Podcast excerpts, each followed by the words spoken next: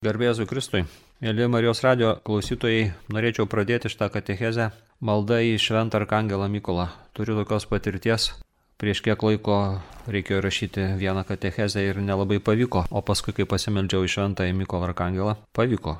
Man tai atrodo, kad pavyko, nes tik vienas Dievas sprendžia, kas pavyksta, kas nepavyksta. Tai norime pradėti maldą į Šventą Arkangelą Mykolą. O didysis dangaus kunigaikšti, ištikimiausias bažnyčios tarne, šventasis Mykolo ir Hangelė. Šiandien aš nors ir nevertas tavo akivaizdos šaukiuosi tavo gerumo. Įtakojamas tavo galingos maldos ir gausiais tavaisiais gerais darbais stoviu prieš tave. Bendradarbiaujant mano angelui sargui ir dalyvaujant visiems dangaus angelams užtark mane kuriejui, kad šiandien tavo pavyzdžių sekdamas atsiverčiau šventosio dvasios veikimui, šventosio dvasios lietui, kad kiekvieną akimirką atsiduočiau Dievui ir su meilė vykdyčiau jo švenčiausią valią. Noriu su tavimi be paliuvo šaukti, kas kaip viešpats. Tikiu į vieną trybę Dievą, jo švenčiausio vardo gale, vardant Dievo tėvo ir sūnaus. Ir šventosio dvasios. Bėkite piktosio dvasios iš šios vietos. Visi demonai nežiūrėkite, neklausykite, nenaikinkite, netrukdykite mūsų darbų, mūsų planų, mūsų maldų ir svarstymų, kurios pavedame išganingam Dievo planui. Mūsų Dievas yra jūsų viešpats, įsakau jums Dievo vardu pasišalinkite šios vietos ir nebegrįžkite čia daugiau. Amen. Šiandienio mūsų susitikimo, susikaupimo tema - laisvė. Ir kai girdžiu šitą žodį laisvė, tai labai dažnai, ne visada, bet dažnai, dažniausiai prisimenu laiško Galatams penktą skyrių, kur keliose vietose Paštalas Paulius kalba apie laisvę. Tai viena vieta labai tokia artima mano širdžiai ir jinai iš tikrųjų tokia universali visuotinė, nes kalbama apie tai, Pauliaus žodžiais tariant, 13 eilutė penktas skyrius. Laiškas Galatams. Iš tiesų, broliai, jūs esate pašaukti laisviai. Tik tai dėl šios laisvės nepataikaukite kūnui, bet stenkitės vieni kitiems su meile tarnauti. Kalbama čia apie tai, kad kiekvienas žmogus yra pašauktas laisviai. Laisvė yra kurėjo suteikta žmogui dovana. Nei vienas žmogus nepašauktas vergoviai, Ar tai būtų priklausomybei, ar tai būtų nuo kokio žmogaus nelaisviai vergoviai, ar didžiausiai vergoviai, didžiausiai nelaisviai, būtent nuodėmės nelaisviai, nuodėmės vergoviai. Tai va būtent kalbam apie tą visuotinę laisvę, apie, galim sakyti, visuotinį pašaukimą į laisvę, apie žmogaus neginčiamą, netimamą teisę, kurią Dievas suteikia žmogui - būti laisvu. Nes laisvė susijusi su žmogaus verte, su žmogaus vertingumu, su žmogaus orumu. Galima sakyti, kad pati žmogaus esmė yra laisvė. Todėl Biblija labai tiesiai ir labai iškilmingai deklaruoja kiekvieno žmogaus garbę, orumą, vertingumą Dievo akise. Ir taip kaip Dievas pagerbė kiekvieną žmogų, suteikdamas jam laisvę, laisvę apsispręsti, pasirinkti Dievą arba pasirinkti prieš Dievą, tai yra žmogaus laisvė, žmogaus teisė. Ne vienas žmogus neturi teisės kito žmogaus padaryti nelaisvo. Bet yra vienas veikėjas piktoji dvasia, apie tai dar kalbėsime, kuris tengiasi, pats būdamas nelaisvas, nes atsiskiria nuo viešpaties Dievo ir tai didžiausia nelaisvė, kokia gali būti atsiskirti nuo viešpaties, kuris yra tikroji laisvė. Taigi tas piktasis pats savo noru atsiskyręs nuo Dievo, nuo tikrosios laisvės, nuo tikrojo meilės ir gyvybės, laimės šaltinio, dega pavydų visai Dievo kūriniai ir aišku kuriejų ir taip pat tobuliausiam Dievo kūriniui žmogui. Ir viską daro, kad žmogų paimtų į savo vergovę kad atimtų žmogaus laisvę. O jeigu negali atimti, o per nuodėmę būtent ir atima tą laisvę, per sunkę nuodėmę, tai bent apribotų, sumažintų žmogaus laisvę. O tai reiškia žmogaus laimę. Taigi Paulius deklaruoja, kad mes esame pašaukti laisviai. Ir pačioj to skyriaus pradžioj, pirmoji berots eilutė, kalba apie tai, kad Kristus mus išvadavo, kad būtume laisvi. Ir ten pat iš karto priduria, tad stovėkite tvirtai, kad vėl nesiduotumėte įkinkomi į vergovės jungą. Ir čia, 13 eilutėje Paulius tą pačią mintį kitais žodžiais nusako, kad dėl šitos laisvės nepataikautume kūnui, bet stengtumėmės vieni kitiems su meilė tarnauti. Tai iš karto galima suvokti, kas žmogų daro laisvu - būtent meilė. Meilė skleidžia žmogų. Meilė skleidžia visa žmogaus rytis, jeigu taip galim pasakyti. Jeigu seksime biblinę antropologiją, mokymų biblinių apie žmogų, tai žmogus yra iš trejų tokių tarsi sudedamų dalių - iš kūno, sielos ir dvasios. Tai štai Meilė, jinai skleidžia žmogų, jo kūną, jo sielą, jo dvasę ir naikina bet kokią vergovę, bet kokias priklausomybės. Nes žmogus, kuris atsiveria meiliai, tai reiškia Dievui, jisai atsiveria laisvėje. Ten, kur Dievas, kur Dievo dvasia, ten ir laisvė. Panašią eilutę ne, netiksliai pacitavau, bet kalba vėl atrodo tas pats apaštalas Paulius. Taigi esame pašaukti laisvėje, sukurti Mūsų mylinčio Dievo, kuris trokšta, kad būtume laisvi ir kuris, kalbu apie Jėzų Kristų, mus išvadavo, mirdamas ant kryžiaus. Mūsų nuodėmės pančius, mūsų vergovę, mūsų nelaisvę, nuodėmės nelaisvę prikalė prie kryžiaus ir taip mus išlaisvino ir deklaravo, savo mirtim deklaravo, kas yra stipriausia pergalė žmonijos istorijoje. Taigi Jėzus pasiekė tą pergalę ir viešai pažemino visus tuos, kurie turėjo mirties ir nuodėmės pančius, kuriais mus buvo supančios. Kristus mus išvadavo, kad daugiau mes į tos pančius, į tą kalėjimą, į tą nelaisvę, į tą vergovę nebegrįžtume. Labai stipriai kalba apie laisvę apaštalas Jonas savo Evangelijos 8 skyriuje. Čia pabrėžiama 31 eilutė ir žemiau iki pat 39 eilutės. Jėzus kalba įtikėjusiems į žydams. Į tą norėčiau pabrėžti, kad Jėzus kalba ne šiaip kokiems prošaliečiams, bet tiems, kurie įtikėjo jį. Ir kai matysime truputėlį žemiau, tie įtikėję žydai ginčiasi su Jėzumi. Nelabai priima jį, tai ką tada kalbėti apie tuos, kurie netiki Jėzų, jeigu tie tikintys ginčiasi, daug kas jiem nesuprantama ar galbūt net ir neprimtina, tai ką tada kalbėti apie tuos, kurie nepažįsta Jėzaus, jo netiki, jo nemyli. Kokia iš tikrųjų tada žmoguje yra tamsa? Nes apaštlas Jonas Evangelijos prologas sako, kad tie, kurie pažįsta tiesą, jie eina į tą tiesą. Jame buvo gyvybė ir ta gyvybė buvo žmonių šviesa. Ir tie, kurie Jėzų priemė, Dievas davė galę tapti Dievo vaikais, reiškia šviesos vaikais laisvės vaikais, meilė žmonėmis, sūnumis, dukterimis, tiesioginė to žodžio prasme, nes Dievas trokšta mus Jėzuje Kristuje įsūnyti ir įdukrinti ir tai daro per krikštą. Taigi Jėzus kalba įtikėjusiems į žydams. Jei laikysitės mano mokslo, jūs iš tikro būsite mano mokiniai, jūs pažinsite tiesą ir tiesa padarys jūs laisvus. Jie atsakė, mes esame bromų palikonys ir niekada niekam nevergavome. Kaipgi tu sakai, tapsite laisvi? Jėzus jiems tarė, iš tiesų, iš tiesų sakau jums, kiekvienas, kas daro nuodėmę, yra nuodėmės vergas, bet vergas nemžinai namuose lieka, tik sunus lieka ten amžiams. Tad jei sunus jūs išvaduos, tai būsite iš tiesų laisvi. Aš žinau, kad jūs Abromo vaikai, bet jūs norite mane nužudyti, nes mano žodis netarpsta jumise. Aš kalbu, ką esu matęs pas tėvą, o jūs darote, ką girdėjote iš savojo tėvo. Jėzus kalba apie tai, kad jo mokslas arba jo žodis, nes mokslas tai yra nekas kita kaip Jėzaus žodis, Taigi Jėzaus žodis padarys mus laisvus. Mes tampame klausydami Jėzaus žodį ir įvykdydami tikrais jo mokiniais. Nes mokinystė, lietuviškas žodis mokinys, tai puikiai neatskleidžia to žodžio esmės ir prasmės, bet, pavyzdžiui, lotiniškas discipulius arba angliškas disciple, tos pačios šaknies, tai pačiai skambant žodis mokinys parodo, kad mokinystė yra susijusi su disciplina. Ir tikrasis Jėzaus mokinys, jisai taip pat yra disciplinuotas, jisai paklūsta viešpačiui, jisai daro tai, ką viešpats kalba. Tai vat, kas laikosi Jėzaus žodžio, tas yra tikras Jėzaus mokinys, tasai žmogus iš tikrųjų pažįsta tiesą ir tiesa padaro žmogų laisvą. Norėčiau pabrėžti, kad tiesa nėra vien tik tai teorija, kitaip sakant, tai nėra vien tik maistas žmogaus protui, bet pirmiausia Dievo žodis ir Dievas yra skirtas žmogaus širdžiai, nes žmogaus širdis yra tas brandolys, ta žmogaus gelmė, pati žmogaus esmė, nes bibliškai žmogaus širdyje vyksta ir įtikėjimas, ir valios nuosprendžiai. Žmogus apsisprendžia įtikė savo širdimi. Taigi žmogaus širdis yra arba laisva, arba nelaisva. Ir laisvą ją padaro taip pat viešpats Dievas, ateidamas apsigyvendamas joje neveltui. Tas pats Jonas rašo apokalipsiai trečiame skyriuje 20 eilutėje, kad štai aš stoviu prie durų ir beldžiu, čia Jėzus taip kalba, jeigu kas išgirs mano balsą, atidarys man duris, aš pas jį ateisiu ir vakarieniausiu su juo, o jis su manimi. Kitaip sakant, Jėzus trokšta išlaisvinti žmogų, pilnatvišką to žodžio prasme. Skleisti žmogų laisvėje, nes pats Dievas yra laisvė. Dažnai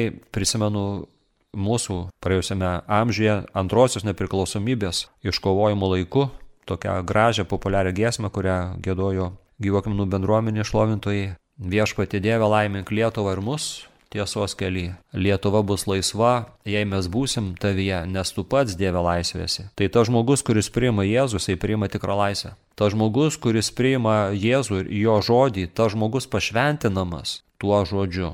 Nes Jėzus kaip vyriausias kunigas 17 Jono Evangelijos skyriuje meldžiasi. Pašventink juos tiesa, tavo žodis yra tiesa.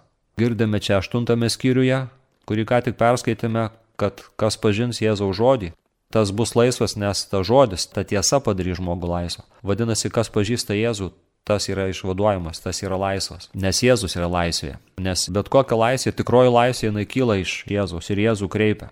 Ir Jėzus neteina žmogaus supančiuoti arba įkalinti, bet kaip tik išlaisvinti. Todėl labai svarbu priimti ne kažkokią abstrakčią tiesą arba kažkokią abstrakčią laisvę. Ne tą laisvę, kuri tik taip vadinasi kažkokią teoretinę tiesą arba laisvę, bet būtent asmenį. Nes meilė yra asmuo, laisvė yra asmuo ir tiesa yra asmuo. Ir visi šitie gražus, turbūt patys gražiausi žodžiai, jie visi turi savo gyvybę, savo pradžią ir atbaigą, įsiskleidimą, pilnatvišką atbaigimą viešpatyje Jėzuje Kristuje. Todėl Jėzus ir kalba tiems savo klausytojams, žydams, kad jie taps laisvi, jeigu klausys jo žodžio ir darys jį. Ir čia vat matom tam tikras konfliktas įvyksta. Tiesa, padarysius laisvus, Jėzus duoda labai gražų pažadą, kuris galioja kiekvienam žmogui, nes Dievas trokšta kiekvieną žmogų vesti į laisvę. Ta laisvę skleisti žmoguje. Bet žydai abejoja, kad jie yra nelaisvi. Jie netiki Jėzaus žodžiu. Deklaruoja, kad jie yra tikintys, bet iš tikrųjų tai tas jų tikėjimas toks yra labai abejotinas. Jie sako, mes esame Abraomo palikonys ir niekad niekam nevergavome. Kaip tu sakai, tapsite laisvi.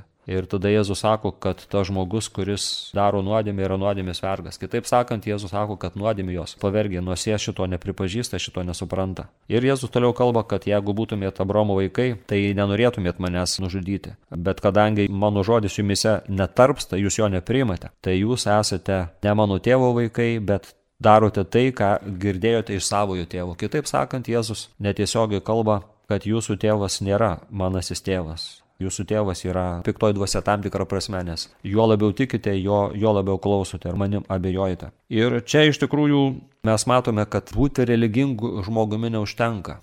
Religingumas žmogaus neišlaisvina, religingumas žmogaus neįskleidžia. Atsimenu, kažkada labai nustebintas buvau, kai kažkada iš kažko girdėjau, kad yra tam tikras religingumo demonas. Aišku, to galima neprimti, bet mes matome, kad iš tikrųjų daug yra religingų žmonių, kurie turi daug pykčio, daug neapykantos, kurie smerkia, kurie yra liūdni, prislėgti, gal net ir depresuoti, tai religingumas iš tikrųjų nėra Dievo tikroji valia. Dievas nori, kad žmogus žengtų giliau savo religijos, nes ne religija išgano žmogų, bet tos religijos Dievas. Tai būtina ateiti prie Dievo. Religija turėtų vesti žmogų į santykį su Dievu. Ne vienas žmogus neturėtų pasitenkinti, kad štai aš esu tikintis, kad aš lankau bažnyčią, atlieku tam tikras apėgas, sukalbu maldas, Iš tikrųjų tai paviršius, tai pradžia, o kiekviena religija, jinai turėtų vesti prie Dievo, ypatingai jeigu mes kalbam apie krikščionybę. Tai vad mes krikščionys turėtume būti savo religijos vedami į tą tikrą, autentišką santykių su viešpačiu Dievu, būtent pažinti. Kaip Jėzus sakė Jono Evangelijos 17 skyriui, aukščiausio kunigo malda melzamasis, pašventink juos tiesa, pašventink tuos, kurie per mano žodį ir per jų žodį tikės. Pašventink juos tiesa, tai reiškia išlaisvink juos tėvę, kad pažintų tave, nes amžinasis gyvenimas tai pažinti tave ir tavo siūstą Jėzų Mesiją. Tai matom, Jėzus iš karto kalba apie nuodėmę, iš karto kalba apie piktąjį, nes jeigu kalbam apie laisvę ir nelaisvę, tai piktosios dvasios mes išvengti negalime, nes jinai, kaip pradžioj sakėme, yra ta, kuri atima laisvę, o jos kozeris stipriausias yra nuodėmė. Ir dažnai nuodėmės, ypatingai šiais laikais, piktojo dažnai naudojamos nuodėmės yra okultinės nuodėmės. Noriu paskaityti jums vieną liudimą iš kunigo Jano Rečeko knygos Palūžusią dvasę išgydo Jėzus.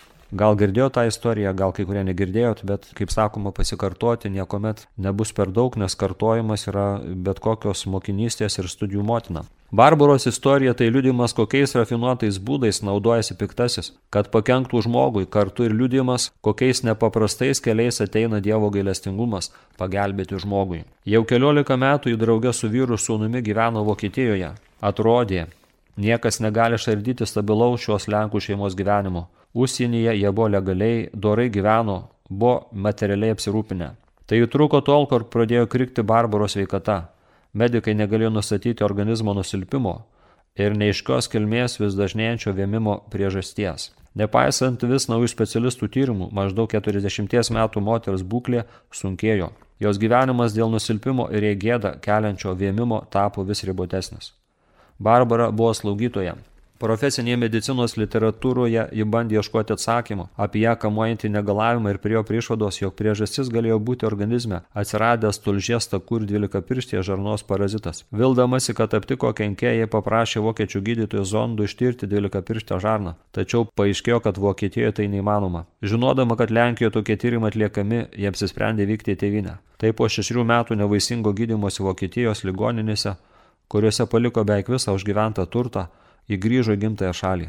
Apsigyvenusi savo motinos namuose ėmė ieškoti pagalbos Lenkijos sveikatos įstaigose. Tačiau ir šiuo kartu ją pasitiko bejėgiškai skėsčiojantys rankomis medikai. Vienu iš Krokuvos ligonių atliktas tyrimas. Zondų nieko nenustatė, niekas nesugebėjo diagnozuoti lygos priežasties ir rasti tinkamą gydimą.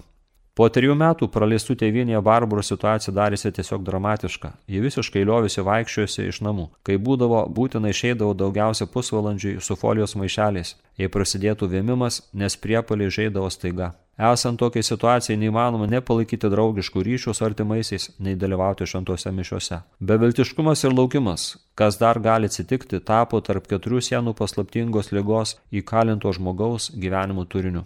Šie beviltiškoje situacijoje, kai vaizdžiai ėmė veikti Dievas. Iki tol tik neregimų būdų paruošė sceną, leisdamas veikti blogiui. Dabar, kad išgelbėtų visapusiškai išsekintą žmogų, ėmė veikti pats. Pasitaikė palanki proga, pamaldaus ir dieviškuosius klausimus išmanančio žmogaus - apsilankimas. Jis atėjo pasirgančios Barbaros motiną taisyti duinės krosnelės. Vėliau, atsimindamas savo pirmąjį susitikimą su Barbara, sakė tuomet pamatęs pabliškosio veido, žemės spalvos odos ir iškankinto kūno žmogų. Motina trumpai nusakė ligonės būklę. Ji nuolat vemia, alpsta gatvėje, parkrenta ir tokios būklės ją nuveža į ligoninę.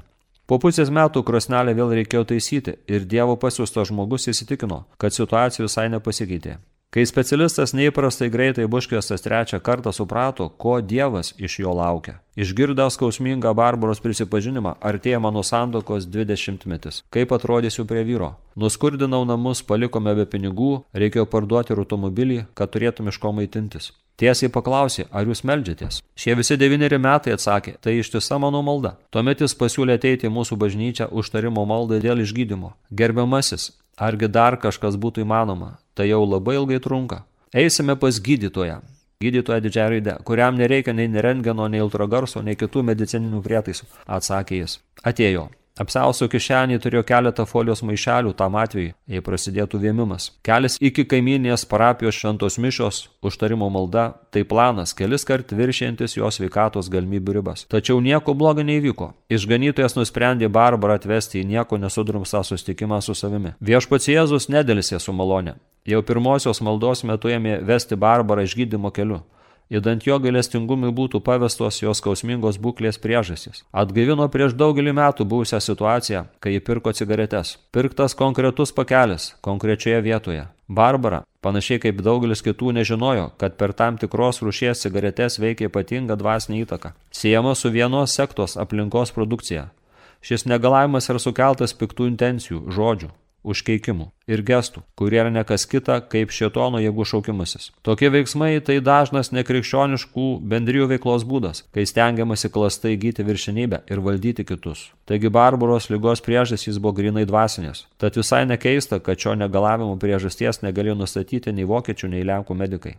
Reguliari malda už barbarą truko keletą mėnesių, kol jie atgavo ne tik fizinės jėgas, bet ir dvasinę pusiausvyrą. Žinoma, viešpats Jėzus šiame malonės kelyje žengė daug toliau už pirmąjį pažinimą. Palengva palijo širdį nuo daugelio blogų įtakų, išlaisvino iš poros smulkmesnių prisirišimų, bet svarbiausia, smarkiai patraukė prie savęs ir pakirėjo ją gailestingumo gelme. Kai, jau jausdamasi visiškai sveika, vyko pas vyrą ir sūnų, nekantriai laukusių grįžtančios iš užsienio žmonos ir mamos, ir stebėjusios jos istoriją įkalbėjo. Mums taip sekėsi, kad galėjome turėti tris vilas su fontanais. Per šią lygą netekome visko, išskyrus minimumą reikalingą gyventi. Tačiau išvykau laiminga. Argi galėtų būti kitaip, jei išvyko gavusi naujai dovanotą draugystę su Jėzumi Euharistijoje, pasitikėdama nepriepiamu jo gailestingumu, žvelgdama į gyvenimą naujomis akimis. Iš tikrųjų, turbūt klausydami šios istorijos ir jos laimingos pabaigos, galime prisiminti viešpaties Jėzaus žodžius, Pirmiausia, ieškokite Dievo karalystės ir jo teisybės, o visa kita bus pridėta.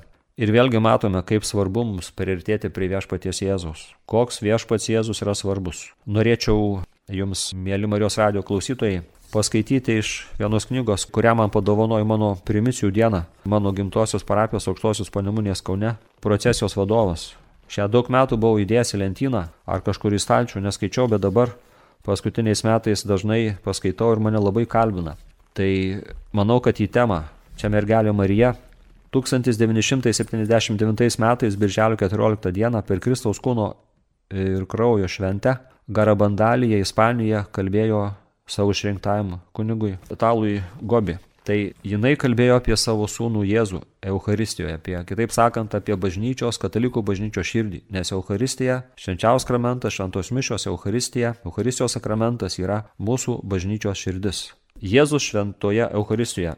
Mano mylimieji sūnus kreipėsi jinai į savo kunigus, jai pasišventusius, bet Jinai motina ne tik tai kunigų, ypatingai kunigų, bet ir visų Dievo vaikų, visų katalikų motina. Tai mano mylimieji sūnus, galim sakyti ir dukterys, tęskite ištikimai kelionę tuo keliu, kurio jūsų dangiškoji motina jūs veda. Mano planas yra jau vykdomas per jūs, kurie atsiliepėte mano motiniškam kvietimui.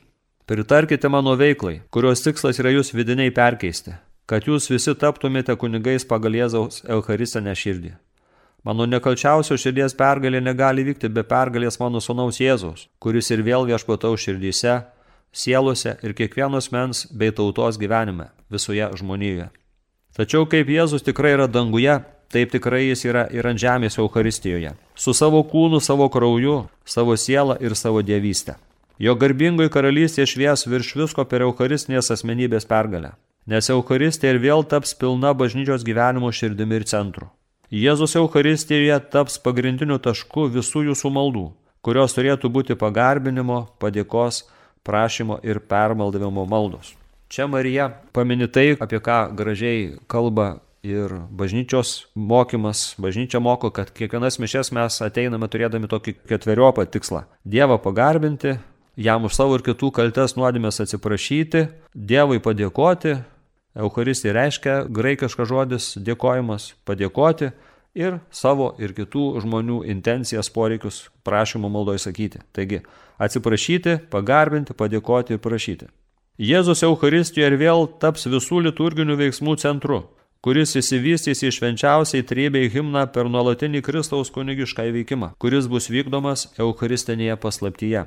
Jėzus Eucharistijoje ir vėl taps jūsų bažnytinių susibūrimų centru, nes bažnyčia yra jo šventovė, jo namai, kurie svarbiausiai buvo pastatyti tam, kad jo dieviškasis buvimas galėtų švietėti jūsų tarpe. Mylimieji sūnus, šiais laikais tamsa aptemdė net tabernakulį. Aplink yra tiek daug tuštumos, tiek daug indiferentiškumo arba beingumo, tiek daug apsileidimo.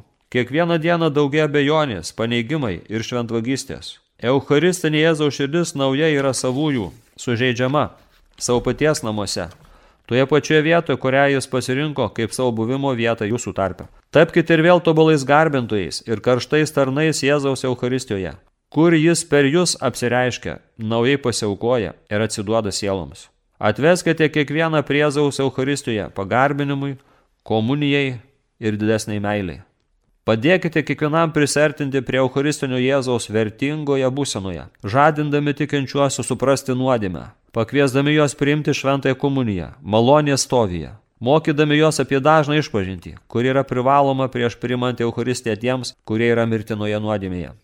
Mylimieji sūnus, statykite užtvanką sulaikyti šventvagyščių potvinį, kaip niekad prieš tai šiais laikais tiek daug komunijų yra priimama, kai žmogus yra tokioje nevertoje būsenoje, kitaip sakant, šventvagiškai nevertai priima komuniją. Bažnyčia yra giliai sužeista dėl gausėjančio šventvagiškų komunijų prieimimo. Atėjo laikas, kai jūsų dangiškoji motina sako, užtenka. Aš pati užpildysiu didžiąją tuštumą, kuri supa mano sūnų Jėzų Eucharistijoje. Aš padarysiu meilės užtvarą apie jo dieviškąją būseną. Aš pati tai atliksiu per jūs, mylimieji sūnus, kuriuos aš noriu suburti, kaip meilės argus, apie visus tabernakulius šioje žemėje. Taigi, Eucharistija yra didžiausia Dievo dovana ir Jėzus mums save atiduoda. Ir jis trokšta, kad mes jį primtume. Jisai trokšta, kad mes jį mylėtume. Jis trokšta, kad ir mes jam taip visiškai atsiduotume, kaip jis mums atsiduoda. Eucharistija yra meilės pokelis, tai yra visų pokelis, kur Jėzus kaip sužadėtinis jaunikis tuokėsi su savo nuotaka bažnyčia. Ir tai vyksta keliariopų būdų. Mes keliaujančios bažnyčios žmonės daugiau dalyvaujame, matome savo šitomis fizinėmis akimis, jūslėms, prieinamais būdais dalyvavome Eucharistijoje, priimam komuniją, mus kalbina visokie regimi ženklai, bet kiekvienose mišiose tos vestuvės vyksta ne tik su šitą žemišką bažnyčią keliaujančią, bet taip pat ir su kenčiančia bažnyčia, su skaistyklu esančiais broliais, sesėmis ir su danguje esančiais angelais ir šventaisiais. Nes malonės eitais mes Jėzaus mistiniam kūne esame apjungiami ir va tas meilės pokylis Euharistija mūsų visus ir daro vieną ir mes čia ragaujame būsimos garbės tą tikrovę. Dalyvaujame toje tikrovėje tokiu tikru, bet daugiau dvasinių malonės būdų. O Dieve, kad iš tikrųjų mes pažintume Eucharistijos gelmes ir kad primtume šitą sakramentą, vienybės sakramentą, kuris iš tikrųjų tą vienybę ir tą taiką ir tą tikrąją laisvę dovonai, kad primtume tikėjimo ir meilės bei dėkingumo kupiną širdimi. Ir dar vieną epizodą noriu paskaityti iš tos pačios knygos Jėzus kalba savo mylimiems sunums kunigams apie pasninką. Nes jeigu kalbame apie laisvę, tai apie susivaldymą arba tam tikrą atsižadėjimą, pasiaukojimą būtina paminėti, nes tikra meilė visuomet jinai susijusi su atsakomybė ir laisvė. Kadangi meilė laisvė, jeigu kalbam apie tikrą meilę laisvę, irgi visuomet yra susijusi su atsakomybė ir tam tikrų atsižadėjimų, tam tikrą discipliną, kaip pradžioje kalbėjome. Tai Pasninkas, kurio aš prašau iš jūsų. Šitą kreipimąsi Marija savo mylimiems sūnums kunigams adresuoja 1985 metais Dongo vietovėje kovo 16 dieną. Iš jūsų prašau fizinio arba kūniško pasninko, kaip priemonės apmarinti jausmus, kad apsigintumėte nuo išplitusios apgaulės, per kurią tiek daug mano vaikų yra suvedžiojami ir varomi ieškoti laimės kūniškų ir medžiaginių poreikių pilnutinio patenkinimo džiaugsme. Kitaip sakant, žmonės galvoja, kad štai vartodami žiūrėdami, valgydami, skaniai, daug, sočiai, jie iš tikrųjų bus laisvi bet labai dažnai patenka į nelaisvę. Per tuos dalykus tampa tai priklausomybė. Kiek daug yra maitinami neskaistumo ir narkotikų nuodingų maistų, kaip plečiasi nemoralios literatūros ir pornografijos dvokianti žaizda. Žiniasklaida dažnai tampa įrankiais, kuriais gadinama moralinė sąžinė, platinamas nešvangumas ir įtaigojama, kad nuodėmė yra pozityvi vertybė ar net gerovė. Dėl šios priežasties aš prašau jūsų, mano brangus ir man pašvesti vaikai, įteikti man tą didžiąją atsiteisimo jėgą, kurią aš pastatysiu kaip užtvanką prieš jį pavojingą ir užkrečiantį blogo tvaną. Parašau iš jūsų kūniško pasninko, kurio tikslas yra apmarinti jūsų jausmus, kad būtų šiandien paliudytas būtinumas apriboti beprotišką malonumų siekimą. Savo gerų pavyzdžių jūs turite mokyti, kad žmogus ne vien duona gyvas, bet kiekvienu žodžiu, kuris išeina iš Dievo lūpų. Parašau iš jūsų dvasinio pasninko, kuriame susilaikytumėte nuo visokiojopų blogio pasiriškimų, kad būtumėt maitinami vien tik gėriu, malonė ir meilė. Dievo žodis yra tas maistas, kuris jūs dvasiškai peni ir sustiprina jūsų dalyvavimą malonės gyvenime. Prašau iš jūsų protinio pasninko, kuris apsaugotų jūs nuo įvairių klaidų, jums nuoširdžiai primant Jėzaus apreikštą tiesą. Maitinkite save, dar kartą jums sakau, švento rašto brangiausio maistu, už jūs labiausiai Jėzaus Evangeliją. Priimkite, mąstykite ir gyvenkite tai žodžiais, kuriuo šiandien taip įvairiai jūsų dangiškai motina jums suteikia. Šiam tikslui pasiekti jūs turite atidžiai atmesti visas ideologijas, kurios priešinas jūsų tikėjimui ir kuriuose yra subtilių bei pavojingų klaidų ir elementų, žalojančių jūsų tolimesnį augimą, dvasinę ištikimybę. Tai reiškia ištikimybę Krikšto pažadams. Prašau iš jūsų širdies pasninko, uždarykite širdį nepribotam prisirišimui prie savęs, savo gerybių ar kūrinių. Kiek daug yra tik apie save galvojančių, kurie leidžiasi suėdami nepažaboto savo naudiškumo, kuris juos atitveria nuo bet kokios galimybės tikrai bendrauti su kitais asmenimis. Kiek daug yra tapusių vergais dėl godaus prisėšimo prie daiktų ar pinigų, kuriuos siekia kaip vienintelės vertybės savo gyvenime. Tuo pačiu patys sunaikinami godumo, kuris yra daugelio kitų iškreipimų ir nuodimų šaltinis. Šitaip jie uždaro savo širdis mažutėlių, vargšų ir neturtingųjų vargams. Jie nepajėgia matyti vargam patekusių ir nereikalingų pagalbos. Prašau iš jūsų sielos pasninko, per kurį laikytumėte savo sielą atitolinę nuo bet kokios, kad ir menkiausios nuodėmės, kad ji būtų maitinama vien tik malonės gyvenimu ir Dievo šviesa. Bėkite nuo mirtinos nuodėmės kaip nuo didžiausio visų blogių. Kasdien patikrinkite sąžinę, paklusnai leiskitės vedami šventosio dvasios. Leiskitės būti sugražintais į taip naudingą dažnos išpažinties įprotį. Bėkite nuo aplinkybių lengvai vedančių į nuodėmės. Dėl to aš prašau jūsų užsimerkti Uždaryti akis ir ausis televizorių filmams, kad apsisaugotumėte savo sielą tyrumo ir malonė šviesa. Jeigu išpildysite šitą pasninką, kurio aš iš jūsų prašau, apsistatysite galingą užtvarą prieš blogą ir nuodėmės tvaną ir tuo pačiu įteiksite viešpačiui pasiaukojimo ir atsiteisimo auką, kurios dėka būtų išgautas daugelio mano nuodėmingų vaikelių sugrįžimas atgal prie mano sūnaus. Šiuo būdu jūs tapsite mano taikos įrankiais, jūs kleisite apie save širdies ramybę, žengdami tuo keliu, kurį jūsų dangiškai motina jums nurodė. Taigi Marija ragina, kad mes mokėtume, kaip tik Jėzaus mokiniai, kaip Marijos mokiniai pasirinkti, kas vertingiau. Viską ištirtume, kas gerą palaikytume, o kas nenaudinga, žalinga, kas atima arba riboja mūsų laisvę atmestume. Todėl noriu, draugė su jumis, mėly Marijos radio klausytojai, Marijos mylėtojai, pasiaukoti kaip kiekvieną dieną darau, ir jūs paukoti, šitą maldą aukoju jūs ir aukoju save, nekalčiausiai Marijos širdžiai, kad greičiau Marijos nekalčiausia širdis triumfuotų ir jo sunaus vardas būtų garbinamas ir jo sunaus karalystė skleistusi kiekvienoje širdį iki žemės pakraščių. Nekalčiausia Jėzaus motina ir mano motina Marija. Sekdama Švento Jono Pauliaus antrojo pavyzdžių, šiandien tariu, esu visas tavo. Nekalčiausiai tavo širdžiai pavedu visą save, visą, kas esu - savo protą, širdį, valią, kūną, sielą, mintis, emocijas, atmintį, sužeidimus, silpnybės, savo praeitį, nuo pradėjimo akimirkos, dabartį ir ateitį, kartu ir kūno mirtį, kiekvieną savo žingsnį, darbą, žodį ir mintį. Tavo nekalčiausiai širdžiai patikiu savo šeimą ir visą, ką turiu. To atiduodu visus savo darbus, maldas ir kentėjimus. Tu geriausiai motina saugok mane ir mano artimuosius nuo pikto. Išmelsk mums reikalingų malonių, kad būtume perkeisti ir išgydyti. Vesk mus gyvenimo keliais ir naudok mus statant karalystę tavo sunaus Jėzaus Kristaus, vienintelio pasaulio išganytojo, iš kurio kyla visas gėris, gyvenimas ir tiesa. Amen.